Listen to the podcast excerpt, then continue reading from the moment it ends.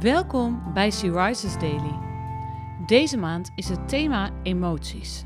En vandaag luisteren we naar een overdenking van Bianca Colijn.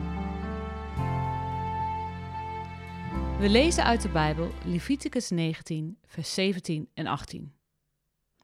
Wees niet haatdragend. Als je iemand iets te verwijten hebt, roep hem dan ter verantwoording. En laat niet omwille van een ander schuld op je door je te wreken of wrok te blijven koesteren.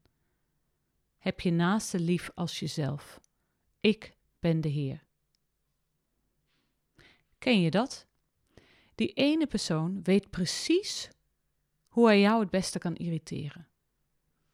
Telkens weer neem je je voor om je er niks van aan te trekken, maar toch word je weer getriggerd.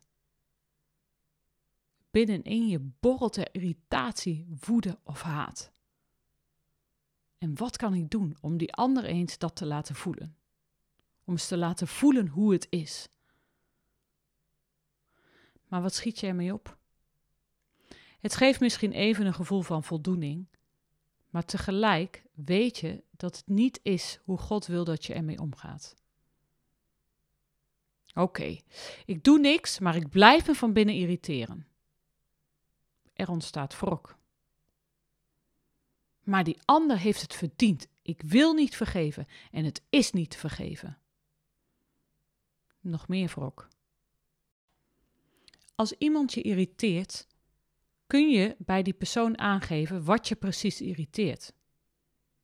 Misschien heeft die ander helemaal geen idee en is die bereid om erop te letten, zodat het je niet meer irriteert. Misschien doet die ander het expres. Vergeven is iets wat we zelf niet kunnen, wat we zelf niet willen, maar samen met God lukt het wel. Geef daarom je irritaties, je neiging tot wraak of je wrok aan Hem. Aan wie moet jij denken bij de overdenking van vandaag?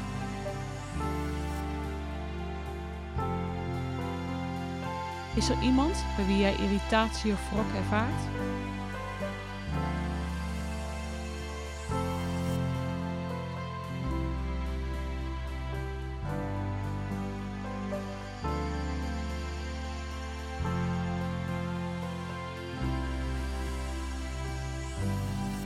Laten we samen bidden.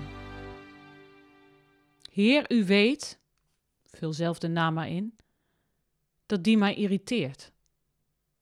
Dat in mijn hart wrok zich nestelt en ik zin op wraak.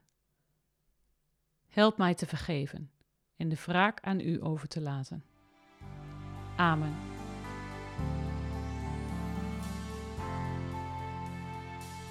Je luisterde naar een podcast van Sea Rises. She Rises is een platform dat vrouwen wil bemoedigen en inspireren in hun relatie met God. Wij zijn ervan overtuigd dat het Gods verlangen is dat alle vrouwen over de hele wereld Hem leren kennen.